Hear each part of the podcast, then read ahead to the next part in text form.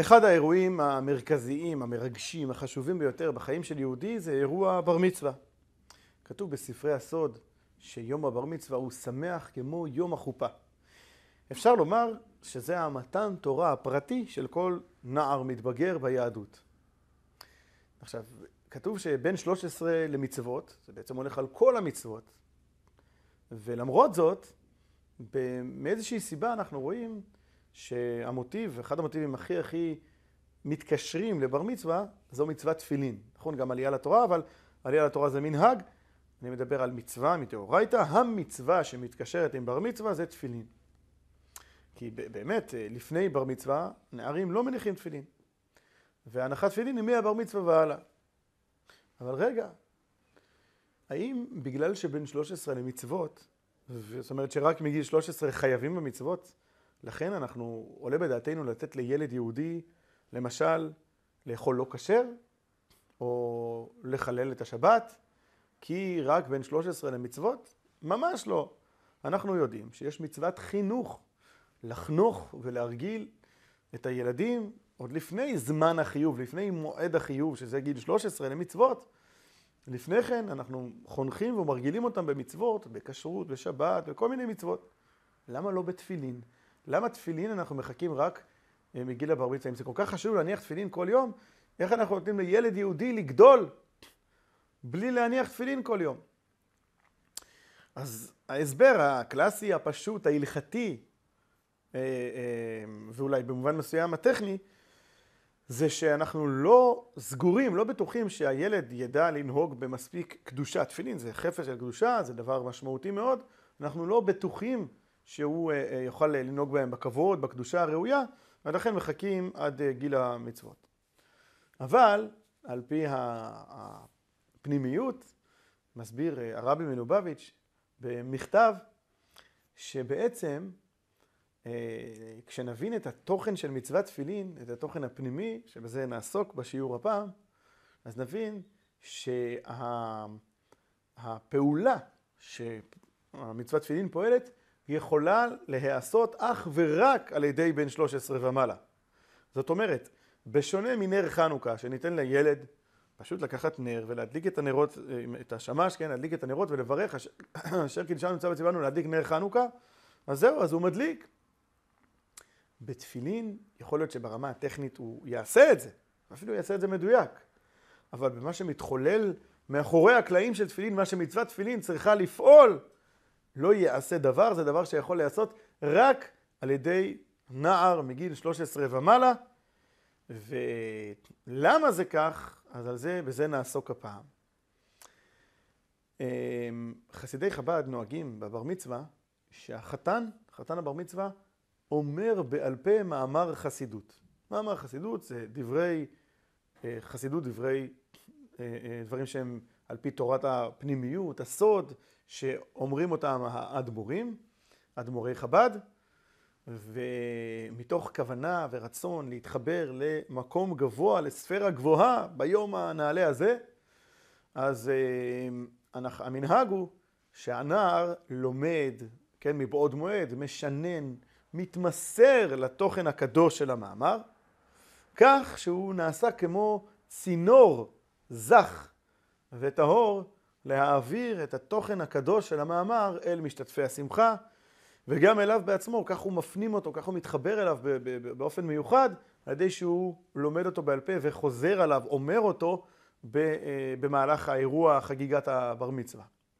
אז יש מאמר שכל חתני הבר מצווה אומרים אותו, והמאמר הזה מסביר בדיוק את התוכן הפנימי של מצוות תפילין, ומכך נבין למה זה יכול להתקיים רק על ידי בן 13 ומעלה, ו, אה, וכך נוכל גם אה, להתחבר ולהבין, אנחנו אה, אנשים בוגרים שכבר מניחים תפילין, נקבל תוספת מוטיבציה, תוספת הבנה כמה גדולה המצווה הזאת, ואולי גם מי שעדיין לא עושה את זה על בסיס יומיומי, בעזרת השם יתחבר ויצטרף לעשות את זה, לקיים את המצווה הזאת. אז המאמר מתחיל בציטוט ממדרש תהילים. איתה, שנינו במדרש תהילים, אמר רבי אליעזר, אמרו ישראל לפני הקדוש ברוך הוא, ריבונו של עולם, רוצין אנו להתייגע, להיגע בתורה יומם ולילה, אבל אין לנו פנאי. אמר להם הקדוש ברוך הוא, קיימו מצוות תפילין, ומעלה אני עליכם כאילו אתם יגעים בתורה יומם ולילה. זה צריך להבין, מיד בבסיס, בבסיס העניין, אנחנו, אנחנו מבינים שיש איזשהו קשר בין מצוות תפילין לבין לימוד תורה. כך שעל ידי הנחת תפילין אנחנו יכולים לזכות לאותו קרדיט שיש על ידי אה, להגות בתורה ימם ולילה, שזה דבר מאוד מאוד גדול, אז אנחנו יכולים להשיג את, אותו, את אותה תוצאה על ידי הנחת תפילין. אז צריך להבין מהו התוכן של מצוות תפילין, שבאמצעותו נזכה להגשים את האידיאל של להגות בתורה יומם ולילה. אז כדי להבין את זה, צריך אה, להקדים דבר מעניין. אנחנו מניחים תפילין, חז"ל אומרים שגם הקדוש ברוך הוא, באופן מטאפורי, מניח תפילין. בכלל, אה, על הפסוק מגיד דבריו ליעקב, חוקיו ומשפטיו לישראל, אומרים חז"ל כך: יש מישהו שהוא מצווה לאחרים לעשות והוא בעצמו אינו עושה. אבל הקדוש ברוך הוא, מה שהוא מצווה לישראל, הוא בעצמו עושה, או מה שהוא עושה, הוא אומר לישראל לעשות. ומוסיפים חז"ל, מסבירים, שבעצם זה עובד כך שעל ידי קיום המצווה על ידינו, אנחנו גורמים לקדוש ברוך הוא, כביכול, גם לקיים את אותה מצווה. כמו שכתוב על הפסוק, השם צילך, השם הוא צל שלך. כשאנחנו עושים פעולה, אז מעין אותה פעולה נעשית למעלה, כביכול. כך, שעל ידי שאנחנו מניחים תפילין, אנחנו גורמים לו כביכול להניח תפילין. מה זאת אומרת שאלוקים מניח תפילין? אז אה, אומרים חז"ל, שבעוד שבתפילין שלנו יש את הפרשה של שמע ישראל, השם אלוקינו, השם אחד, שזה בעצם ייחוד השם, אה, אה, שבח ואחדות השם, אז בתפילין של הקדוש ברוך הוא כתוב את השבח ואת הייחודיות שלנו. בפרשות שלו, כן?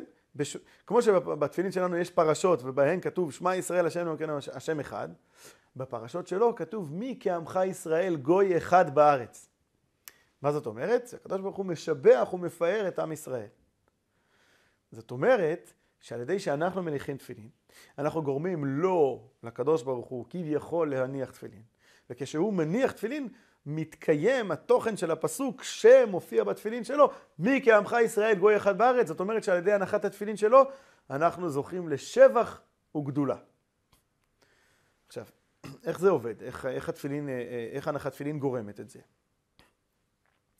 אז אה, בבסיס העניין אנחנו צריכים להבין, במערכת היחסים שלנו, הנבראים, עם הקדוש ברוך הוא, שבעצם, מכיוון שהקדוש ברוך הוא אינסופי, והעולם והנבראים ואנחנו מוגבלים, ואפילו חומריים וקטנים מאוד מאוד, בעצם זה באין ארוך בכלל לגבי הקדוש ברוך הוא האינסופי.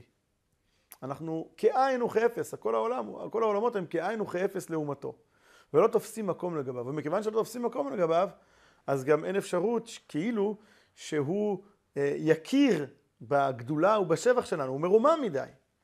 יש משהו מסוים שפועל אה, להנכיח, לגלות, זה נקרא בחסידות אה, להמשיך, להוריד, כמו להוריד שפע, להוריד את האלוקות למרחב, למרחב של העולם, לגלות את האלוקות בעולם. זה על ידי התורה והמצוות. למה? כתוב בפסוק, השקיפה ממעון קודשך מן השמיים וברך את עמך את ישראל.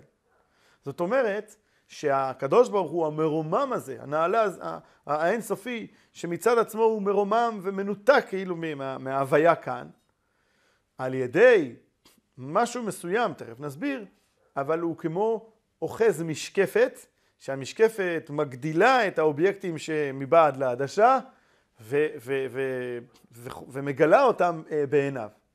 והמשקפת הזאת של הקדוש ברוך הוא היא משקפת התורה. השקיפה ממעון קודשך מן השמיים, אז אומרים חז"ל, שמיים זה מורכב משתי המילים שם מים. מים, בהרבה מקומות בתורה, זה רמז לתורה. אין מים אלא תורה. בהזדמנות אחרת נסביר את הקשר בין מים לתורה, מוסבר בחסידות, אבל מים זה שם קוד בתורה, הוי כל צמא לכו למים, ואין מים אלא תורה. אז השקיפה ממעון קודשך מינה שם מים, הכוונה שעל ידי התורה על ידי התורה והמצוות, התורה והמצוות זה כמו צינורות כמו משהו שמנחית לפה, לעולם, למרחב שלנו, את האלוקות, מגלה את האלוקות בעולם, מחבר את האלוקות עם העולם, ואז כביכול נעשה אצלנו שבח וגדולה. הקדוש ברוך הוא רואה אותנו, שאנחנו לומדי התורה, מקיימיה, ואז אנחנו משובחים וגדולים בעיניו, וזה המשמעות של הפסוק, מי כעמך ישראל, גוי אחד בארץ, שבעצם אה, מי כעמך ישראל, מי, מי כמו העם הזה, שמגלה את השם אחד, מנכיח, מגלה את השם אחד בארץ, במרחב שלנו, במרחב של העולם הזה, זה השבח והגדולה של עם ישראל. אז השבח והגדולה הזאת של עם ישראל, שזה מה שכתוב בתפילין של הקדוש ברוך הוא, זה נעשה על ידי התורה והמצוות. זה הכוח של התורה. למה? עכשיו אנחנו עוברים לפרק ב' של המאמר. בפרק ב' הוא מסביר מה סוד כוחה של התורה, מה, זאת, מה זה בעצם התורה והמצוות, שיש להם את היכולת הזאת על ידי הקיום, על ידי הלימוד, לגלות את האלוקות במרחב כאן בעולם. אז uh, כתוב במדרש רבה, כתוב אלפיים שנה קדמה תורה לעולם.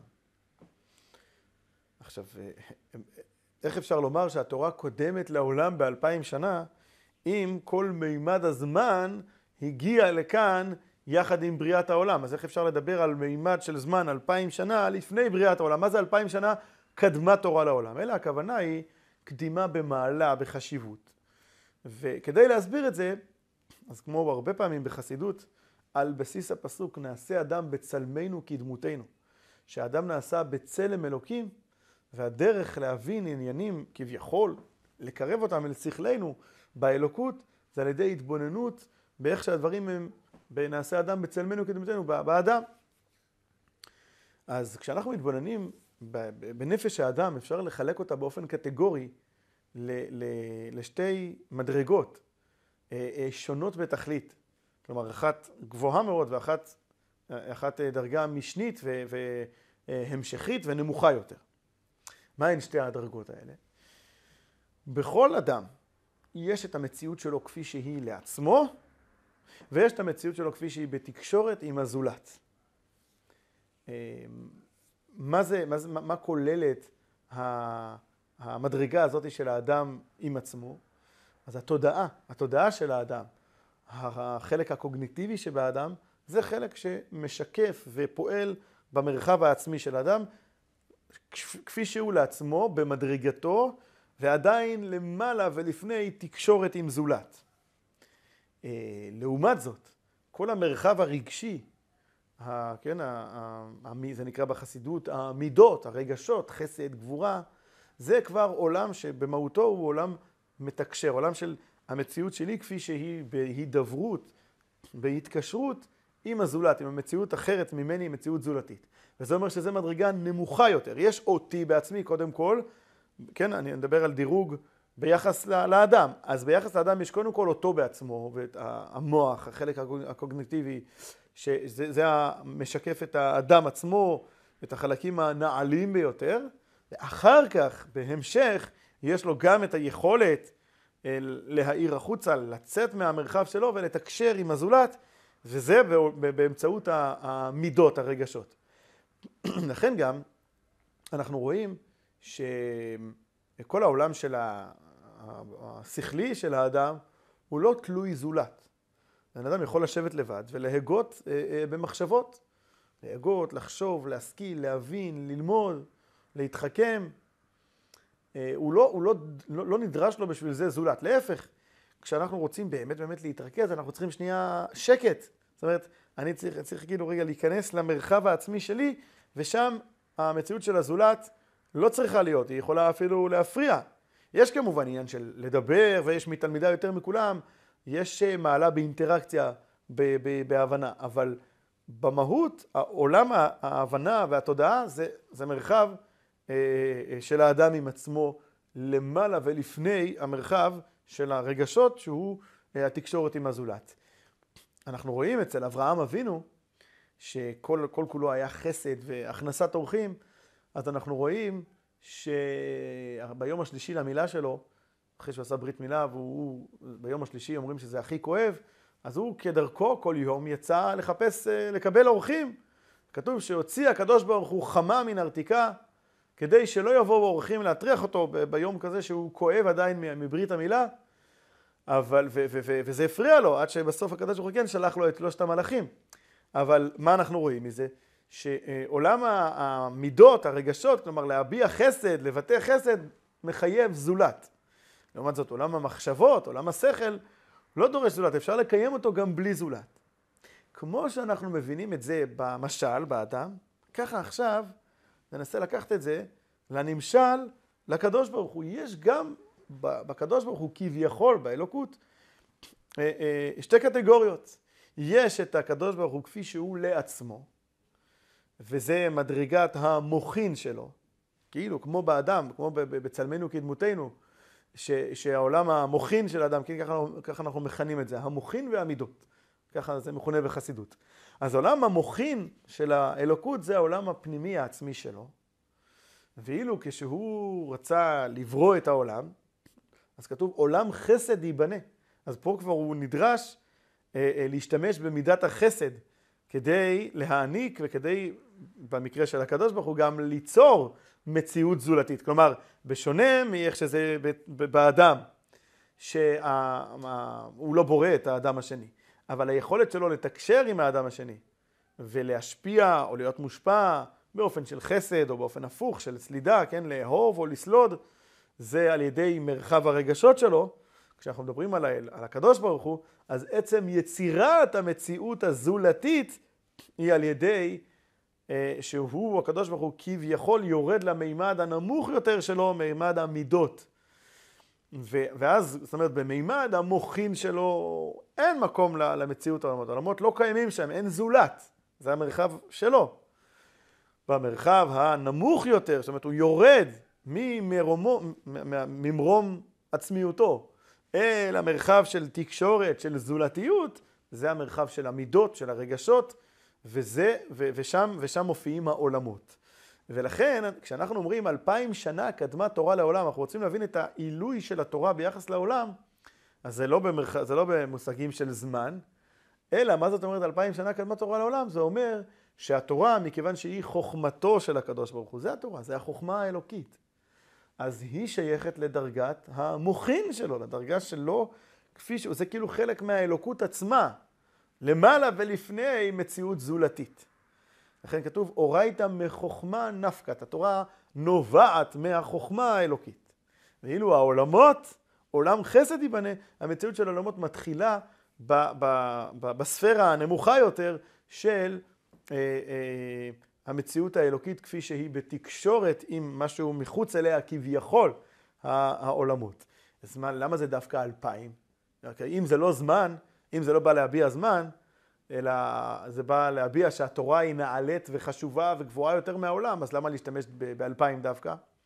אז באופן של רמז, אלפיים, המילה אלפיים, המילה אלף, זה אותו שורש של המילה אה, לאלף, שזה ללמד, אולפן, מקום שבו לומדים, אז אלפיים זה כמו שני אולפנים, שני מאלפים.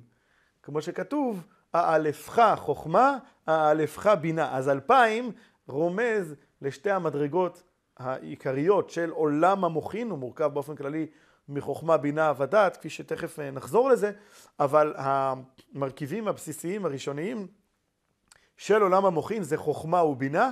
אלפיים שנה קדמה התורה לעולם, זה מטאפורה לבטא את הקדימה במעלה וחשיבות ובמדרגה של התורה ביחס לעולם, בכך שהתורה היא נובעת מהחוכמה והבינה האלוקית, היא בעצם החוכמה והבינה האלוקיים, היא שייכת למדרגת המוחין, למדרגת האלוקות כפי שכביכול הוא לעצמו, ואילו העולמות, שהם בתחושה שלהם, ובכלל הם, הם מגיעים כאילו אחרי הבריאה, שיש כבר משהו זולתי כביכול, ברור שבאמת הכל זה אין עוד מלבדו, הכל זה חלק מהאלוקות, אבל בתודעה של העולמות, עולם מלשון העלם והסתר, אז בתודעה שלהם הם נפרדים, הם זולתיים מהאלוקות, ולכן הם משתייכים למדרגה הנמוכה יותר, מדרגת המידות. זה המשמעות של הקדימה במעלה, החשיבות, העליונות של התורה ביחס לעולם. ועכשיו אנחנו אומרים שהתורה יכולה לשמש כמשקפת. כאפשרות להנכיח ולגלות את האלוקות בעולם, למה?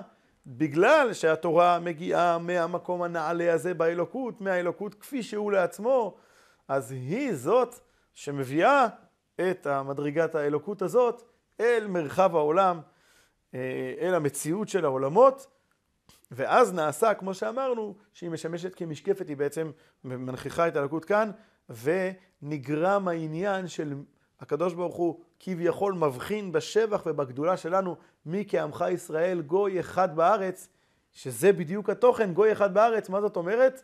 מי כמו עם ישראל, שיש להם את היכולת באמצעות לימוד התורה וקיום המצוות, לגלות את אחד, את השם אחד, כאן במרחב הפיזי בארץ. זה המשמעות של השבח של עם ישראל, והשבח הזה נעשה כאמור על ידי התורה, שהיא משמשת כמשקפת השקיפה ממעון קודשך מן השמיים, שם מים, מבחינת התורה, שעל ידה אנחנו זוכים לאותו שבח וגדולה, מי כעמך ישראל גוי אחד בארץ. עכשיו, בפרק השלישי של המאמר, והאחרון שלו, אנחנו יכולים לחזור ולתת אה, את התשובה, את ההסבר, לשאלת הפתיחה, מה הקשר בין מצוות תפילין לבין לימוד התורה, שעל ידי שקיימו מצוות תפילין, מעלה אני עליכם כאילו אתם יגעים בתורה יומם ולילה. למה? כי בעצם אנחנו מבינים עכשיו שלמצוות תפילין יש את אותו תוכן, כן, תוכן זהה ל, אה, לרעיון הכללי של, של מה שאמרנו עכשיו, של התורה כמביאה, מנכיחה, מגלת, המוליכת האלוקות כאן למרחב בעולם. למה? בתפילין, המספר שמסמל את התפילין הוא המספר ארבע. יש שם ארבעה בתים, ארבעה תאים בתפילין של ראש, ויש שם בתוך, בתוך ארבעת הבתים ארבע פרשיות, וגם בתפילין של יד, שזה בסליל אחד, יש שם ארבע פרשיות. המספר ארבע, על פי הסוד, על פי הקבלה, רומז למדרגת המוחין. למה? אז אמרנו מקודם שיש באופן כללי במוחין שלושה אספקטים, שלושה חלקים. זה שלוש דרגות. חוכמה, בינה ודעת. בהזדמנות אחרת נלמד ונרחיב מה הם בדיוק שלושת האספקטים האלה של ההבנה, מה זה חוכמה, מה זה בינה, מה זה דעת, אבל באופן כללי אה, זה, זה שלושת המרכיבים של המוחין. אבל הדעת, כתוב בספרי הסוד שהדעת בעצמה מורכבת משני חלקים, משתי תנועות. היא מורכבת, מתחלקת, מתפצלת לחסד וגבורה. למה? אז נגיד את זה ממש ממש בנקודה, זה לא העניין שלנו, אבל אה, ככה פטור בלא כלום אי אפשר. הדעת זה המקום שבו הרעיון הרציונלי אה, אה, אה, הופך להיות כבר אה, משהו אישי שלי. כלומר, בשונה מהשלבים הראשונים של ההבנה, של החוכמה ובינה, שזה שכל נטו, זה משהו, שכל במהותו הוא אובייקטיבי, הוא, הוא קר, כאילו הוא מתייחס לדבר כפי שהוא, כפי האמת שלו. דעת זה החוליה המחברת, המחברת בין עולם השכל לעולם הרגש. דעת זה כמו שכתוב בפסוק, והאדם ידע את חווה, במשמעות שהוא הזדווג או התחבר לחווה, אז דעת זה כאילו ההזדווגות שלנו עם הרעיון, החיבור שלנו עם הרעיון.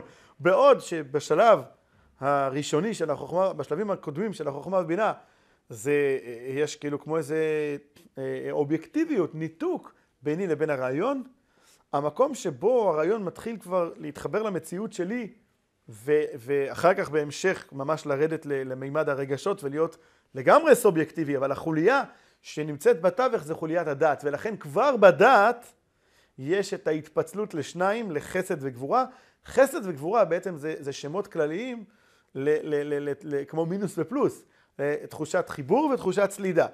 אבל אה, אה, תחושה זה כבר אני, זה כבר, זה כבר, זאת אומרת, מאז שזה נהפך להיות מחובר אליי, מתחילה להיות תגובה, תגובה שלי למציאות, כזאת או כזאת, ולכן באופן כללי הדעת מחולקת לשני חלקים, אז יוצא שעולם המוחין, הסיכום שלו הוא במספר ארבע, והתפילין, כך כתוב בספרי הסוד, שהתפילין שיש בהם ארבע פרשיות, ארבעה תאים, אז הן מרמזות לבחינת המוחין, והמשמעות היא שהתוכן הפנימי של מצוות תפילין זה בדיוק אותו עניין של המשך, זה נקרא, אני אגיד את זה בלשון הקבלית, המשכת המוחין אל המידות.